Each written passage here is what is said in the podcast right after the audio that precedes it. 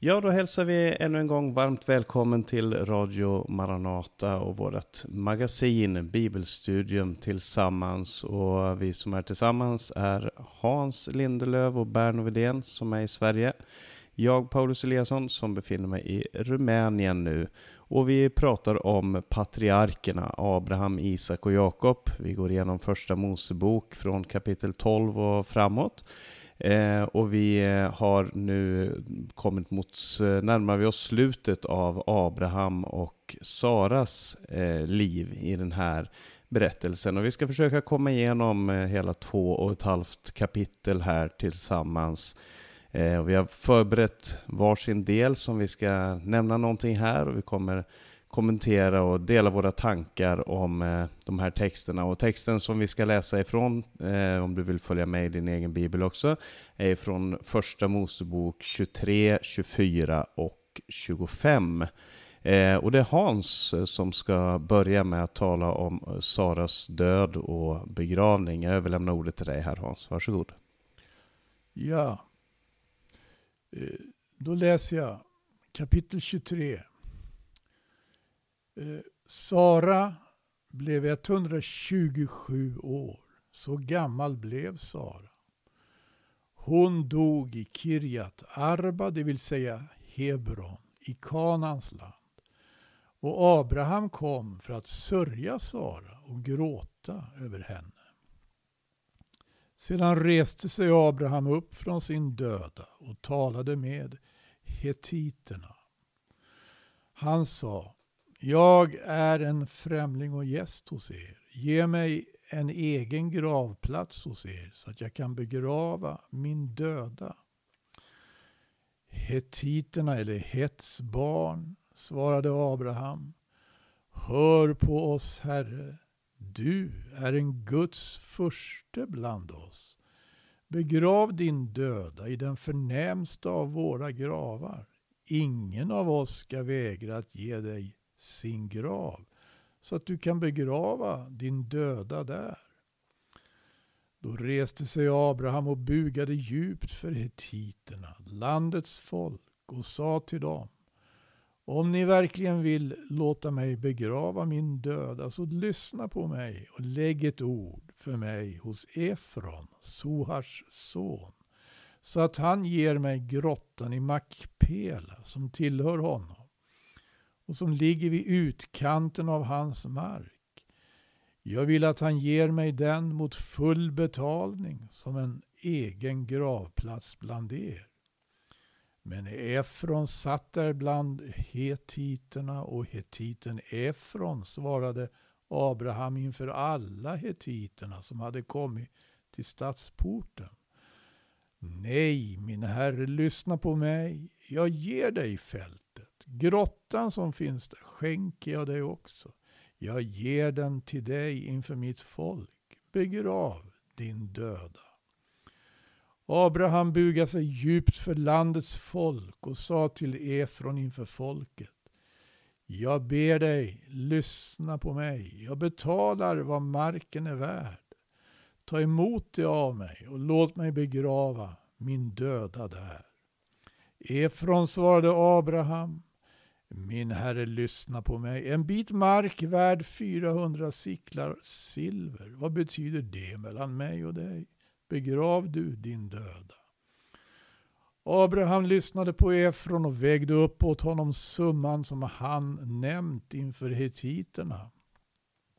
400 sicklar silver gångbart i handel så överläts Efrons mark i Makpela vid Mambre åt Abraham, hela markstycket. Både grottan som fanns där och alla träd runt omkring på området. Det skedde inför hetiternas ögon, inför alla dem som hade kommit till stadsporten.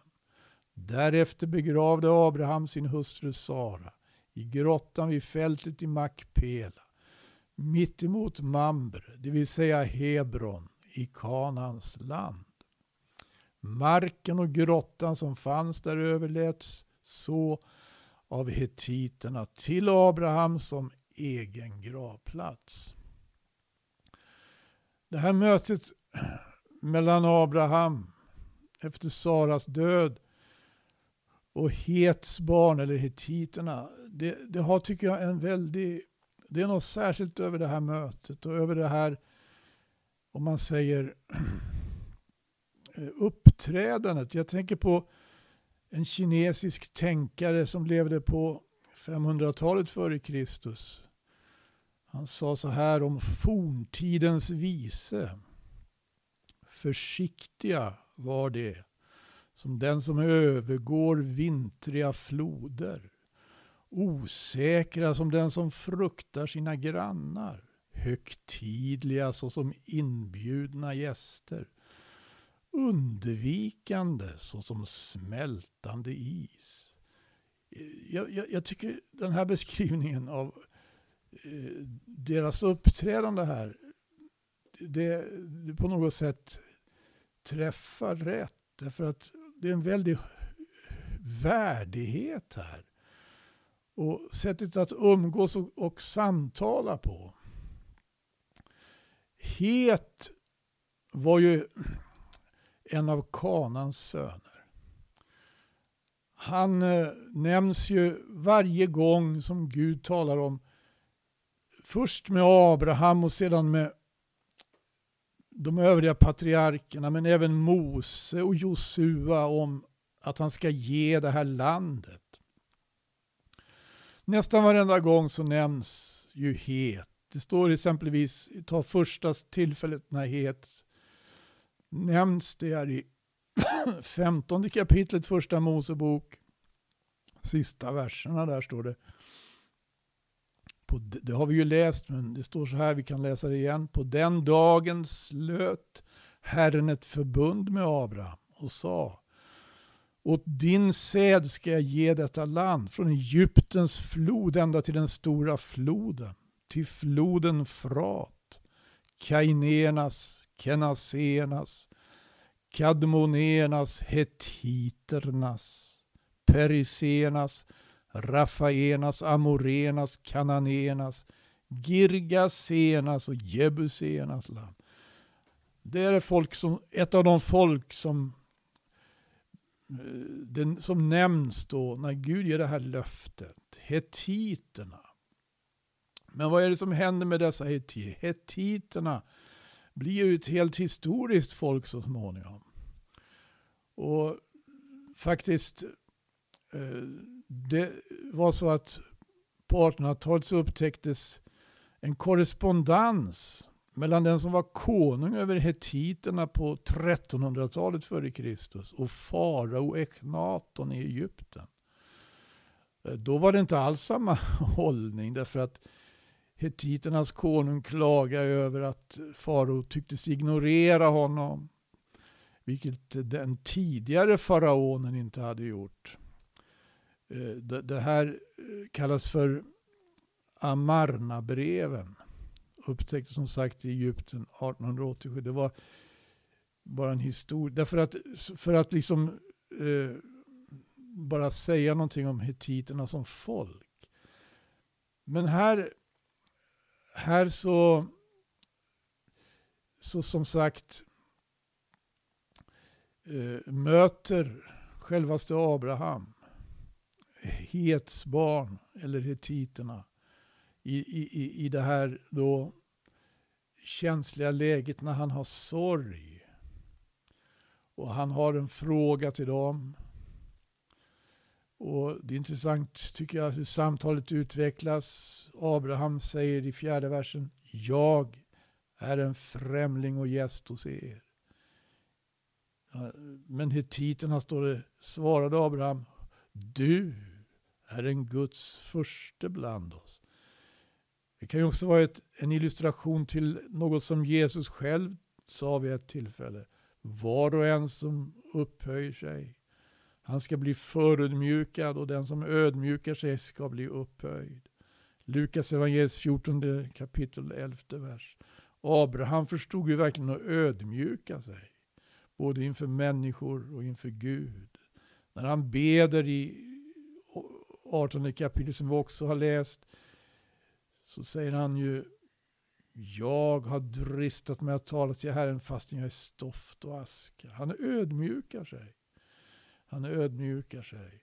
Och i det här fallet då i förhållande till ett folk, Hets barn, eller hetiterna.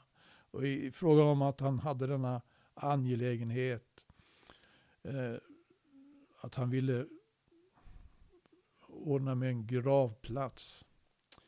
Och sen hur den här affärsöverenskommelsen går till. Liksom det, det är så, som sagt, försiktigt och, och trevande.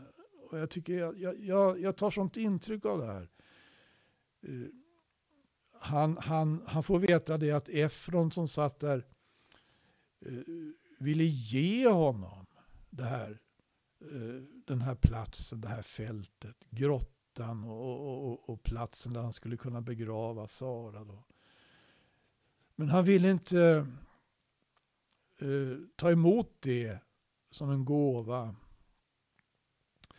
Eh, utan han ville faktiskt betala för den här biten mark då. 400 eh, siklar silver. Han, han, Abraham nämner inte det men när Efron till slut får fram det så är det liksom helt i förbegående då i 14 versen. Eller 15 versen.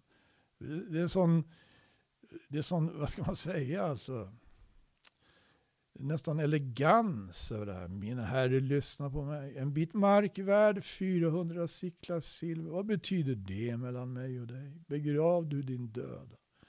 Men Abraham står och lyssnar på Efron och vägde upp åt honom summan som han nämnt. Han nämnde det inte som att det var ett krav, men han nämnde det som att det var faktiskt det marken var värd. Och det betalade också Abraham. Ja, jag, jag tycker det här är ett väldigt fint kapitel. Väldigt fint. Det säger någonting om Abraham som person. Det säger någonting också om... Ja, det var ju faktiskt inga fientligheter här utan det var ju verkligen umgänge mellan, om man säger goda grannar och folk som faktiskt respekterar varandra ganska djupt. Eh, jag tror inte att eh, det var något tidigare möte med hetiterna. Det kommer att bli senare möten, men jag, jag, kan inte erinra mig nu på rak arm att det var när Israels barn under Josua och så vidare kriga så var inte, hade inte hetiterna en så framträdande plats. Det verkar som att de drog sig undan norrut. De försvann upp mot eh, den trakt så småningom skulle få det här riket då, det som blev hetiternas rike. Kanske 300-400 år senare då, under farao Eknaton. Och det har ju också varit en fråga i historien. Intressant historiskt med, den här, med det här folket. Det har ju varit en fråga om hur de förhåller sig till det mer berömda och kända folket fenicierna. Men det är inte samma folk, även om de bodde i samma trakt nästan. Ja, det var liksom din, din, lite de funderingar jag har. Mm. Ja, det var intressant. Eh, lite historielektion och tankar kring den här texten. Jag tycker också att den här, just det här, eh, den här formuleringen som står i vers 16, Abraham lyssnade på Efron. En annan översättning, jag tror det är den äldre folkbibelöversättningen, eh, det här är ju 2015-översättningen, men eh, det står det, han hörde vad han sa. Alltså att det låg någonting mellan linjerna där. De, de har en väldigt vacker, väldigt fin eh, dialog och, och liksom eh, där, där Abraham är mån om att verkligen betala och de här andra är väldigt måna om att förklara för honom att han behöver verkligen inte göra det. Eh, och det, det, det, det, är liksom en slags harmoni mellan dem där de önskar att visa varandra både heder och ära och den här som jag har talat om innan, den här chesed, alltså en, en, en lojalitet mot varandra på ett, på ett väldigt speciellt sätt. Och, och eh, den här Makpela-grottan, jag, jag, kan ju nämna det, den kommer tillbaka senare i texten i, i eh, det, det som jag eh, ska läsa också. Men Makpelas grotta, den ligger ju då i, i det som heter då antingen Kirjat Arba eller Hebron. Hebron betyder ju just gemenskap. Eh, och, och, där, idag så finns det ju det som är en kombinerad moské och synagoga. Eh, det kallas för Ibrahims moské eh, och patriarkernas synagoga. Eh, och Sara är ju den som begravs där först. Det är, förutom den här brunnen som jag nämnt tidigare, så är det den första biten mark som, som eh, Abraham äger. Det första han äger i landet. Eh, så Sara begravs där först, sen begravs Abraham där. Eh, Isak begravs där av Jakob och Esau och Rebecka också, både Isak och Rebecka. Och, och Jakob, eh, Josefs ben, den senare patriarken, eh, eller Josef, han förde Jakobs ben tillbaka till Kanaan och begav, begravde honom i Makpela. Eh, och Lea är begravd där också. Eh, nu vet man ju naturligtvis inte om det är precis på den platsen där den här synagogan och moskén är, men traditionellt så har man ansett det. Och den enda av eh, patriarkerna och matriarkerna som inte ligger där av de här Abraham, Isak och Jakob eh, och deras respektive, det är ju Rakel som ligger närmare, eh, som blev begravd i nära Betlehem. Det nämns ju också i profetian senare. Men det var bara lite detaljer omkring det där man kan besöka den här platsen. Där man anser att de är begravda. Eh, Berno? Vad jag vet ja. så har väl den här, plats, den här platsen har väl också fått kanske lite större betydelse på senare tid. Det har blivit en samlingsplats för judar som eh, känner liksom att de kan behöva ett, jag vet, om jag fattar saken rätt, nästan som ett alternativ till Jerusalem. Jerusalem är för laddat på något vis. Och det är för stora konflikter. De skulle vilja gå upp där på tempelplatsen, men det får de ju inte göra. Det, alltså det är väl ett ganska laddat område där i Hebron också, för att det tillhör ju västbredden. Eh, men det finns en del israeliska eller judiska bosättningar där i, i området. Så jag tror att det är en, om jag har förstått saken rätt, ett ganska eh, laddat område där också. Men, men då, ja, då har du rätt. Ja.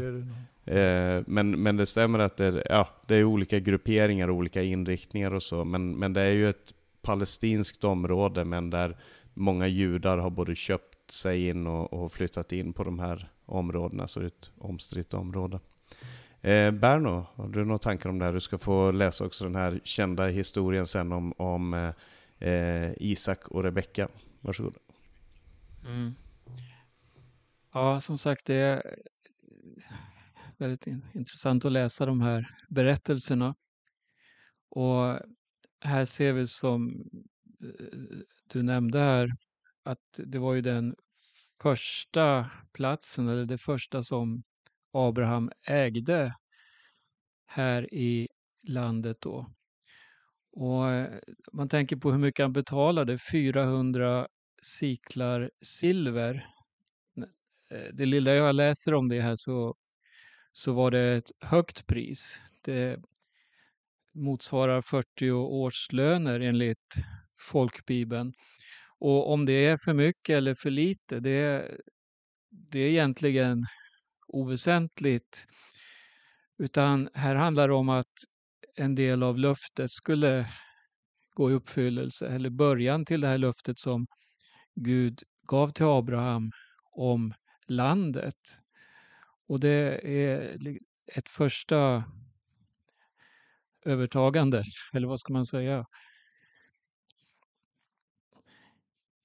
Mm, nästa kapitel här, det är ju som sagt en väldigt känd berättelse om hur Rebecka då blir Israels, förlåt, Isaks hustru. Och vem var då Rebecka? Ja.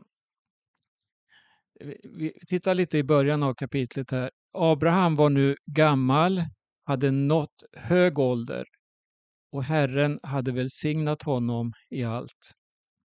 Då sade Abraham till den äldsta tjänaren i sitt hus, den som hade ansvar för allt som Abraham ägde. Lägg din hand under min höft. Lova mig med ed vid Herren himlens Gud och jordens Gud, att du inte tar en hustru åt min son från döttrarna till kananéerna som jag bor ibland, utan att du går till mitt land och min släkt och där tar en hustru åt min son Isak. Eh, det här var tydligen väldigt viktigt att eh, Abrahams löftesson då Isak, han skulle nu få sin hustru. Och det kunde inte vara från vilket folk som helst utan det var viktigt att det var från hans eget land, hans egen släkt.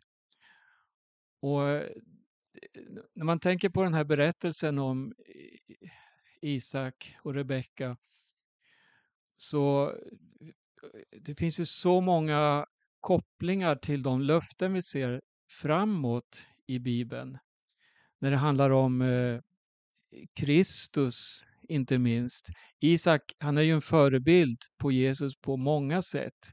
Kanske en av de mer tydliga vi har i Gamla Testamentet. Och föreningen då med Rebecka, det visar ju också på hur Kristus, han ville ha en brud. Alltså han, han kom ju och skulle eh, åt sig vinna en hustru så att säga. Och Vi ser tydliga kopplingar här på det som handlar just om Kristus och församlingen i den här berättelsen. Och, och Det står i femte versen då, tjänaren sade till honom, men om kvinnan inte vill följa med mig till det här landet, ska jag då föra din son tillbaka till det land som du har kommit ifrån? Abraham svarade honom, se till att du inte för min son tillbaka dit. Herren, himlens Gud som har tagit mig från min fars hus och från det land där jag föddes, han som har talat till mig och gett mig sin ed och sagt, åt dina efterkommande ska jag ge detta land. Han ska sända sin ängel framför dig så att du kan hämta en hustru åt min son därifrån. Det var också viktigt att det handlar inte om att Abraham eller hans efterkommande nu då skulle ge upp det här löftet som Gud hade givit om landet, om att bli ett folk, ett avskilt folk för Herren. Och just det här att återvända till det som var, till sitt gamla liv, sitt gamla land och så vidare. Nej, det här, det här skulle fullbordas eh, fullt ut och löftet skulle uppfyllas. Isak skulle inte återvända till det landet. Men däremot så skulle han få en hustru därifrån, alltså från hans eget folk då. Sen vers 8. Om kvinnan inte vill följa med dig är du fri från denna ed till mig. För bara inte min son tillbaka dit. Ja, det betonas än en gång här. Då lade tjänaren sin hand under sin herre Abrahams höft och lovade honom detta med ed. Sen kan vi läsa hur tjänaren, som förmodligen var Eliezer, den äldste tjänaren som var den betrodde så att säga i Abrahams hus. Han som var tänkt att bli arvtagare enligt eh, det Abraham eh, ja, planerade då, då han inte hade någon son. Han eh, hade svårt att se löftets eh, att det skulle gå i uppfyllelse. Men eh, Gud hade sagt och Gud uppfyllde. Ehm, eh, tjänaren han tog kameler, han tog tio kameler kan vi läsa om. Han tog med sig dyrbara gåvor och gav sig sedan iväg för att finna en brud åt Isak. Och I vers 11, där lät han kamelerna lägga sig ner vid en vattenbrunn utanför staden. Det var nu kväll, den tid då kvinnorna brukade komma ut och hämta vatten. Och han bad, Herre, min Herre Abrahams Gud, låt mig få framgång idag och visa nåd mot min Herre Abraham. Jag står här vid vattenkällan och stadens döttrar kommer hit för att hämta vatten. Om jag ber en flicka, räck mig din kruka så att jag får dricka. Och hon svarar, drick, jag ger vatten åt dina kameler också. Låt henne då vara den du har bestämt åt din tjänare Isak. På så sätt ska jag veta att du har visat godhet mot min Herre. Det var en konkret eh, bön som Eliezer bad här. Konkret i detalj. Om det sker så och så, så låt det få vara ett tecken då, så att jag ska veta att det här är rätt, så att säga. Och eh, så hann han knappt bedja, alltså förrän han egentligen han bedja. Det är också något vi möter i skriften, hur Gud han har förberett allting. Ändå så sänder han oss in i situationer och, och lär oss att bedja. Vi ser inte allt, men ändå får vi lära oss förtrösta på Gud mitt i allt. Eh, det står så här, det blev så att innan han hade slutat tala, se, då kom Rebecka ut med sin kruka på axeln. Hon var dotter till Betuel som var son till Milka, Abrahams bror, Nahors hustru. Det var en mycket vacker flicka, en ung kvinna som inte haft någon man. Hon gick ner till källan och fyllde sin kruka och steg sedan upp igen.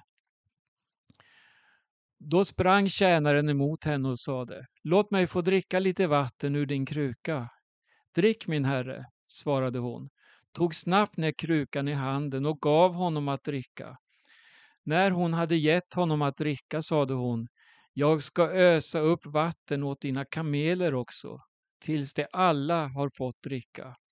Hon skyndade sig att tömma sin kruka i vattenhon och sprang sedan tillbaka till brunnen för att ösa upp vatten. Hon öste så upp vatten åt alla hans kameler.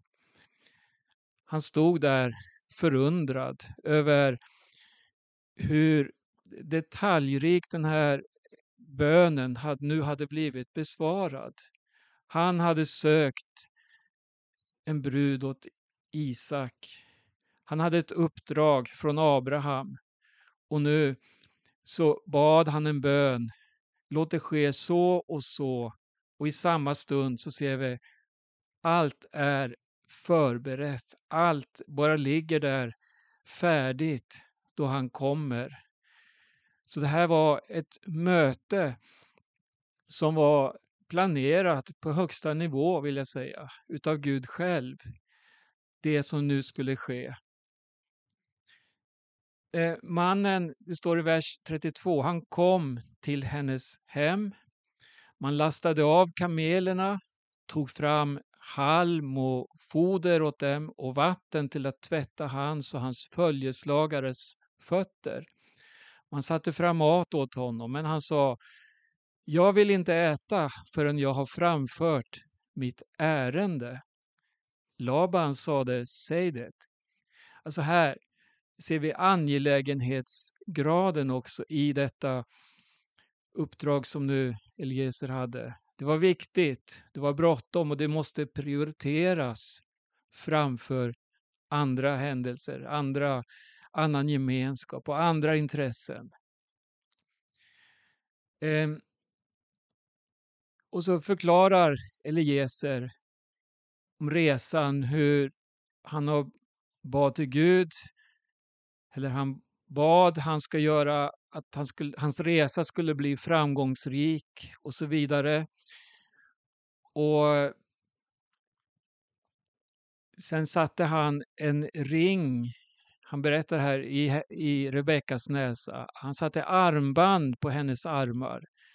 Han beklädde henne helt enkelt med de här dyrbara gåvorna. Det är också en oerhörd betydelse, en bild på hur, om vi nu ska överföra det till nytestamentlig mark, hur eh, Jesu Kristi brud, alltså Guds barn, blir beklädda med den helige Ande. Han böjde sig ner, tillbad Herren, lovade Herren och eh, Abrahams Gud som hade fört honom på rätt väg för att få en dotter från min herres släkt åt hans son och så vidare. Det är väldigt detaljerat, mycket text i det här kapitlet och jag hoppar lite eh, framåt. Men eh, själva händelsen tycker jag är så oerhörd. Den är så stark och den är så inspirerande på många sätt just när det handlar om evangelium och, och just föreningen mellan Kristus och församlingen. Och sen kommer en fråga här i vers 57 som jag tror vi ska titta lite på också. De sa så här, vi kallar hit flickan och frågar henne själv. Det var, det var så viktigt det här att det här handlade inte om, om att någon skulle bara giftas bort. Eh, ett förfaringssätt som var väldigt vanligt, att man köpslog och man hade sina barn då som eh, betalning in i äktenskap för uppgörelser mellan folk, mellan nationer och så vidare. Nej, här, här ser vi något som är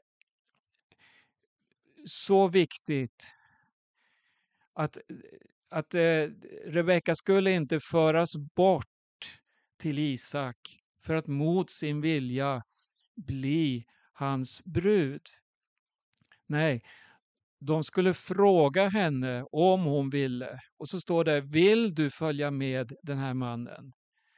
Och då kommer svaret från Rebecka, ja. Helt kort står det så bara, ja. Inga diskussioner hos henne. Hon, hon hade mött Eliezer, hon hade blivit eh, föremål för hans eh, omsorg här. Hon, han beklädde henne, han öste sina gåvor, sin kärlek på ett sätt över henne. Han talade om Isak och, och om, och om det som väntade. Så att hon var helt tagen av det här. Hon svarade ja, utan tvivel. På samma sätt, för att återföra in det på eh, nytestamentlig mark och för vår tid, när vi får möta Jesus, när vi får kallelsen, då möts vi av den här enorma utgivande kärleken. Så att den som har sett, den som har hört, kan inte annat än svara ja och ta emot det här och gå in i detta nya liv, att få Jesu Kristi eh, ja, försoning över sitt liv och bli Kristi brud så att säga. Det står i 61 så här. Så bröt Rebecka upp med sina tjänsteflickor. De red på kamelerna och följde med mannen. Och tjänaren tog med sig Rebecka och reste sin väg. En lång ökenfärd som väntade för att komma till Isak. Det var en resa som var farofylld på många sätt. Men ändå, man ser att eh, Rebecka var trygg i det här sällskapet. Eliezer var med. Kamelerna fanns med, beskyddade under stormen i öknen och så vidare. Det, det finns mycket detaljer man skulle kunna plocka fram här. Men det, det, får vi ta vid ett annat tillfälle. Nu, nu ser vi bara här att Rebecka hon med hela sitt hjärta såg nu fram emot att hon skulle få möta sin Isak. Och vi får läsa lite om det i slutet av det här kapitlet också. Isak hade just kommit tillbaka från Ber Lahai Roi, där han, för han bodde i Negev.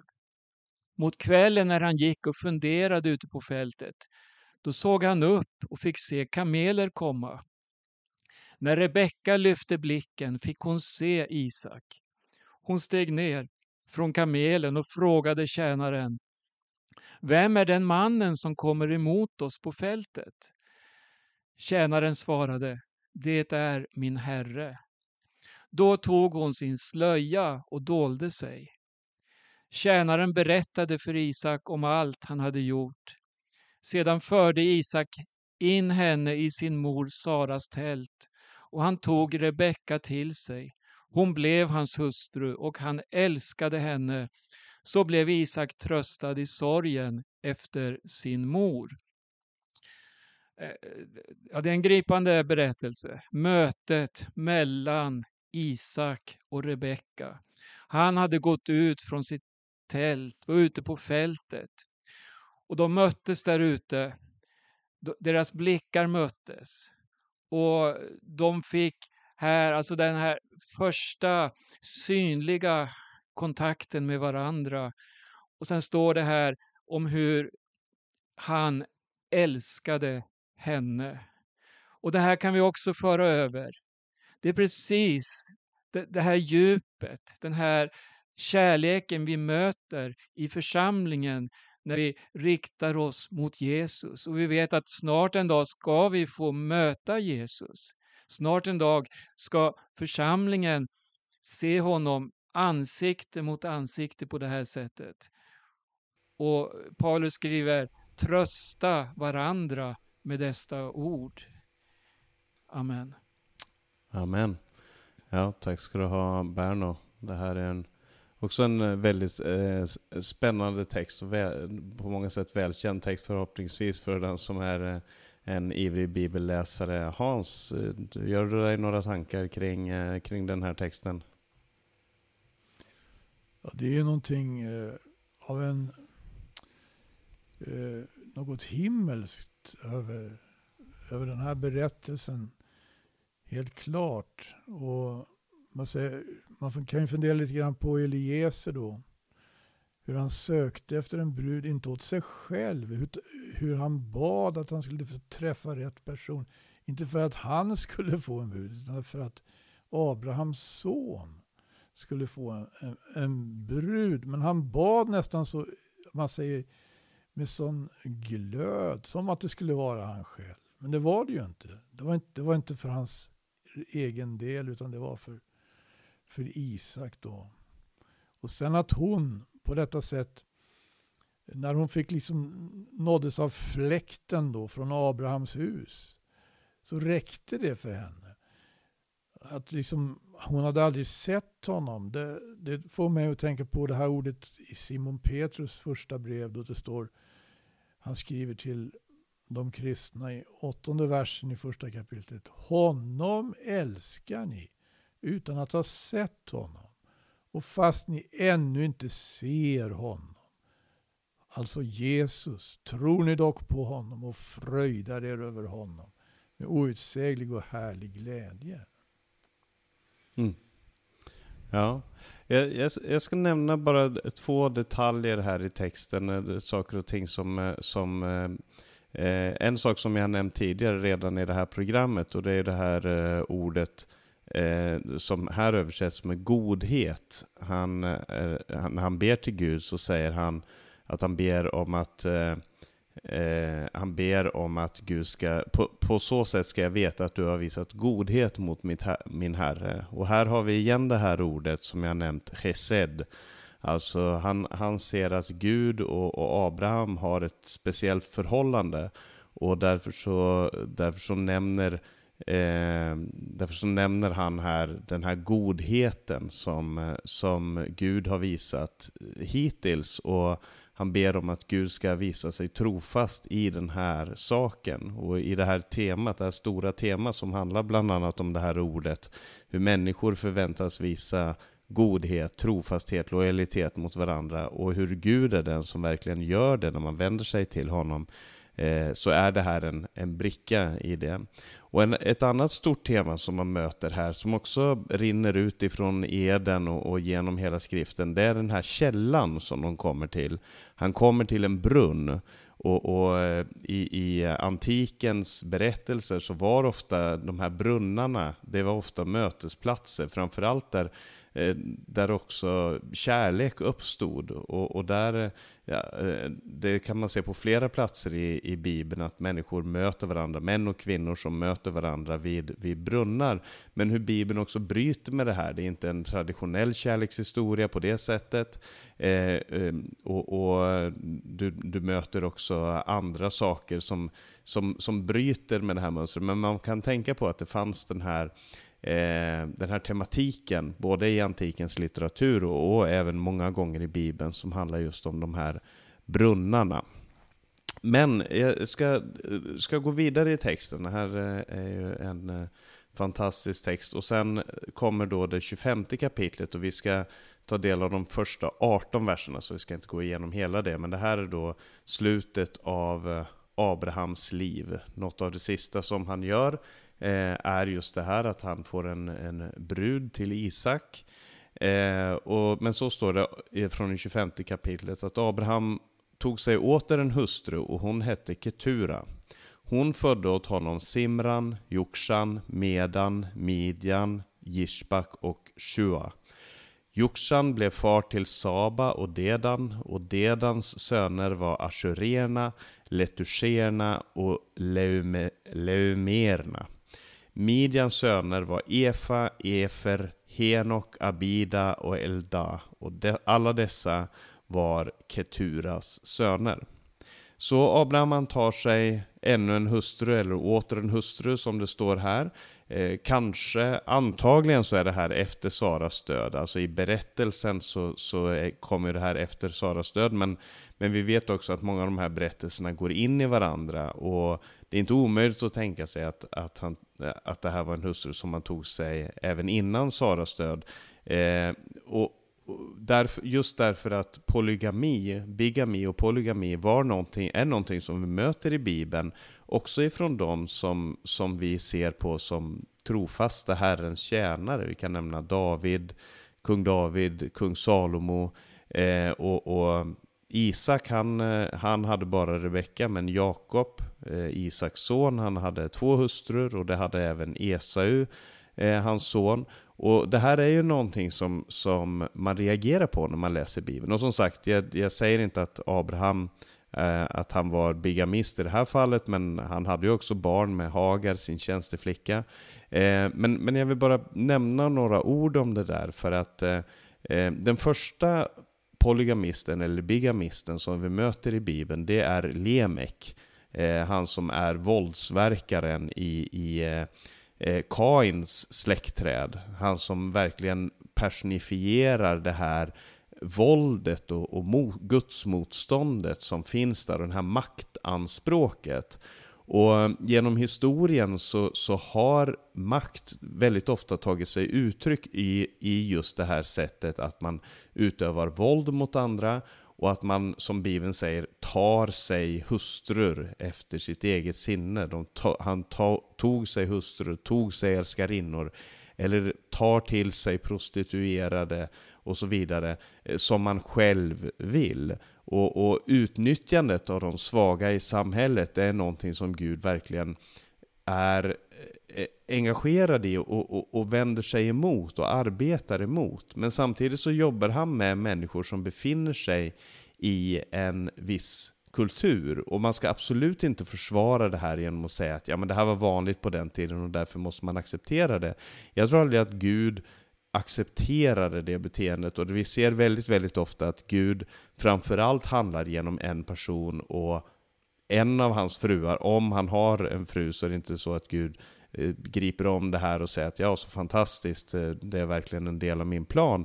Utan, utan Gud verkar genom en av de här. Eh, och eh, i lagen så ser vi också, i, i Toran så ser vi att det fokuseras mycket på att beskydda de utsatta och bland annat då hustrur i eh, polygama eller bi, bigama eh, äktenskap. Och, och, sen när man kommer till Jesus och apostlarna så är de väldigt klara på vad som var Guds plan ifrån början. Nämligen en man och en hustru som lever i harmoni och är likas, likställda med varandra. Och jag, jag nämner det i det här sammanhanget för att det, man, ofta när man läser Gamla Testamentet så kan man få eh, ta, kan man reagera på texter och, och, och, det ska man göra, man ska inte vara rädd för att, för att eh, reagera på sånt här. Men i alla fall så, så möter vi de här personerna och bland annat då Midjan mitt uppe i här.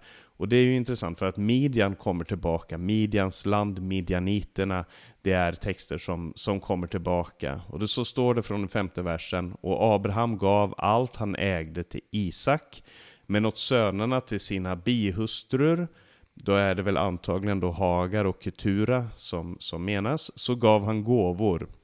Och medan han ännu levde sände han bort dem från sin son Isak österut till Österlandet.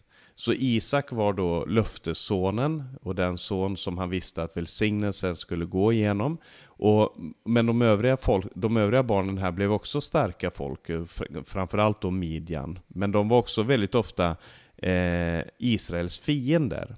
Och, och, och just fiendskapen mellan de som borde vara bröder är, ett tema i Bibeln. Och jag tror att, att Mose som, som har nedtecknat det här, att han vill eh, rikta vårt fokus mot det här.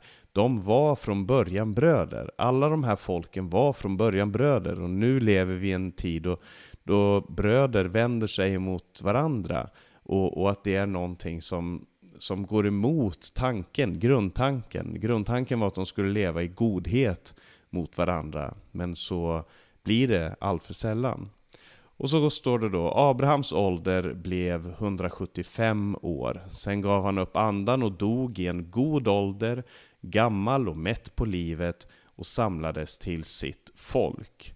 Eh, på hebreisk, här står det Abrahams ålder blev.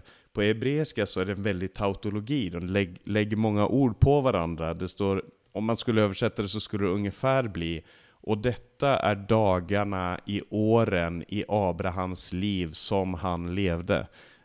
Man, man kunde ha sagt detta är Abrahams dagar, man kunde ha sagt detta är Abrahams år eller hans liv eller detta är tiden han levde. Men alla de här orden läggs då på varandra och jag tror att tanken är eh, att det, det, är en tautologi där man använder många ord för att uttrycka hur viktigt Abrahams liv var. Nu har vi gått igenom det här. Det här är det som är det centrala i Abrahams liv. Det här är det han var igenom. Och vad är slutsumman i Abrahams liv? Jo, det är att han är gammal, men inte bara det, han är mätt på livet. Och det kan ju låta som någonting negativt för oss. Ja, jag är mätt mätt av dagar, mätt på det här.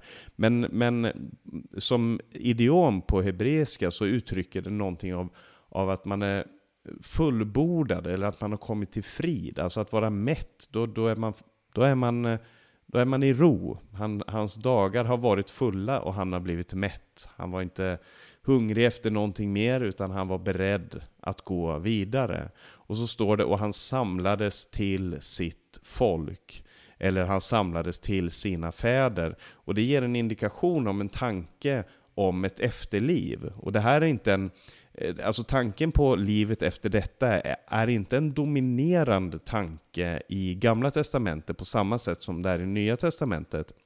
Men man hade ändå en förståelse av att det fanns ett efterliv, att man gick vidare, att man inte bara försvann och slutade existera, utan att de döda gick till det som på hebreiska kallas för Sheol, som ibland översätts med graven, ibland med dödsriket.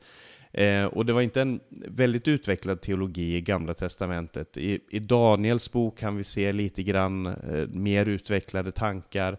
Eh, och det finns vissa indikationer i Jesaja och andra profeter som också talar mer tydligt om ett liv efter det här och i vissa salmer. Men, men tanken var ändå att man var, varje människa skulle få sin dom efter livet och att man skulle konfronteras med domaren och att man skulle också då, som det sägs här, samlas till sitt folk. Och um, hans söner då, Isak och Ismael, begravde honom, står det, i grottan i Makpela mittemot Mamre. Det är alltså platsen där Sara blev begravd. På marken som tillhört hetiten Efron, Sohars son. Det var det som Hans läste om här. Där på den mark som Abraham hade köpt av hetiterna begravdes Abraham och hans hustru Sara. Och som jag nämnde då så Ja, det verkar först och främst som att Isak och Ismael förenas här. De har ju haft, hade i alla fall konflikter där, då de var barn. Eh, men här så förenas de igen och så finns ju den här som vi nämnde, Makpelas grotta, den ligger i, i Hebron på västbredden idag. Jag skulle, om du har möjlighet, eh, du som lyssnar eller ser det här, så kan jag absolut rekommendera att eh, ta en resa dit och, och, besöka den här platsen. Väldigt intressant. Eh, och så står den elfte versen. Efter Abrahams död välsignade Gud hans son Isak och Isak bosatte sig vid Ber Lahai Roy. Ber Lahai Roy är ju då den här källan som Hagar gav namn till, den seendes källa, han som ser mig när hon hade den här upplevelsen av, av Abrahams Gud som mötte henne i hennes väldigt utsatta situation. Och hon sa, har jag fått se han som ser mig, Berlahai Roy. Eh, och, och, här ser vi då att den här kopplingen mellan den här källan och välsignelsen som Gud ger. Eh, välsignelsen går vidare. Gud välsignar Abrahams son. Gud hade välsignat Abraham, han välsignar hans son och målet som vi har sett så många gånger i den här texten är att alla folk ska bli välsignade. Det har nämnts de andra Abrahams söner. Eh, vi kommer nämna här också Ismaels söner kommer precis efteråt och, och tanken är att välsignelsen ska nå ut till alla de här. Detta är Ismaels och Abrahams sons fortsatta historia. Han föddes åt Abraham av Hagar, Saras egyptiska slavinna, och detta är namnen på Ismaels söner i den ordning de föddes. Nebajut, Ismaels förstfödde, vidare Kedar, Abdeel, Mibsam, Mishma, Duma och Massa, Hadad och Tema, Getur, Nafish och Kedma. Dessa var Ismaels söner och detta var sönernas namn i deras byar och tältläger, tolv furstar för deras stammar. Ismaels ålder blev 137 år. Därefter gav han upp andan och dog och samlades till sitt folk. Hans ättlingar bodde i områdena från Havila ända till Shur öster om Egypten, där vägen går mot Assyrien. De slog sig ner mittemot alla sina bröder. Och alla de här namnen är väldigt intressanta. Och, men det de visar, är, om man ska summera det, så är det att Ismael räknas som stamfar till araberna. Och det här att han lever mitt emot alla sina bröder, det var någonting som Gud hade sagt redan till Hagar. Eh, och det kan vara en geografisk tid, eh, angivelse, alltså de ska bo gränsa mot sina bröder, de ska gränsa mot varandra. Men, men antagligen så var det här också ett idiomatiskt sätt att säga att de ska vara fiends, i fiendskap, alltså att man är mot någon. Eh, och, och, de konflikterna som har funnits mellan araber och, och, och judar, och mellan araber och araber genom alla tider, eh, det, det, är någonting som har varit ganska signifikativt, men, men det är också någonting som Gud i i Abrahams välsignelse har lagt in en lösning för. Och det den lösningen den finner vi ju till syvende och sist i Jesus, han som försonar alla människor med sig själv. Det var det jag hade på, på hjärtat om den här texten. Eh, Hans, har du några tankar också om, om eh, de sista, de här verserna som vi har läst här? Jag tänker framförallt nu på det här om Ismael i tolfte versen. Detta är Ismaels, Abrahams sons fortsatta historia. Det är väldigt vackert det här.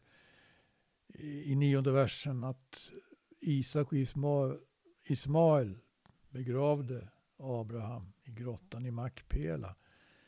Det, med tanke på den, hur historien sedan har gått. Liksom.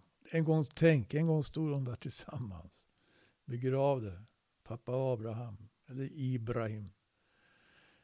Men Ismaels, Abrahamssons fortsatta historia, varenda gång det står så, och det står ju en hel del i första Mosebok när man går igenom eh, de här släkttavlorna så att säga, så är det ganska intressant att ordet som används det är ju toledao. Toledao är ju samma ord som används i själva skapelseberättelsen när Gud fullbordar skapelseverket så står det detta är himlarnas och jordens Toledao.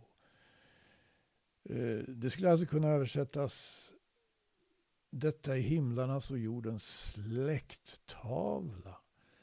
Jag tycker det är en väldigt fascinerande tanke. När man tänker på att eh, aposteln Paulus vid något tillfälle tar ju fasta på det här att vi är av Guds släkt. Mm. Ja. Ja, tack ska du ha. Berno, har du också några tankar här till avslutning? Mm. Jag, jag tror det får räcka så. Det har varit väldigt givande att lyssna till det här. Ja, ja tack ska du ha. Eh, ja, absolut. Det har varit en, en, spännande text. Som sagt, vi har läst eh, första Mosebok 23, 24 och första delen av 25. Eh, nästa gång, om Herren dröjer och vi får leva, så ska vi läsa om, om Isaks fortsatta historia. Eh, och, och, Isak som blir far till Jakob och Esau och det förhållandet som, som de har till varandra är en eh, fascinerande historia. Men eh, fram till dess så får vi säga ett stort tack till er som har lyssnat här. Jag säger tack till Berno Widén, Hans Lindelöv också. Och jag heter Paulus Eliasson. Vi önskar er Guds rika välsignelse och på återhörande.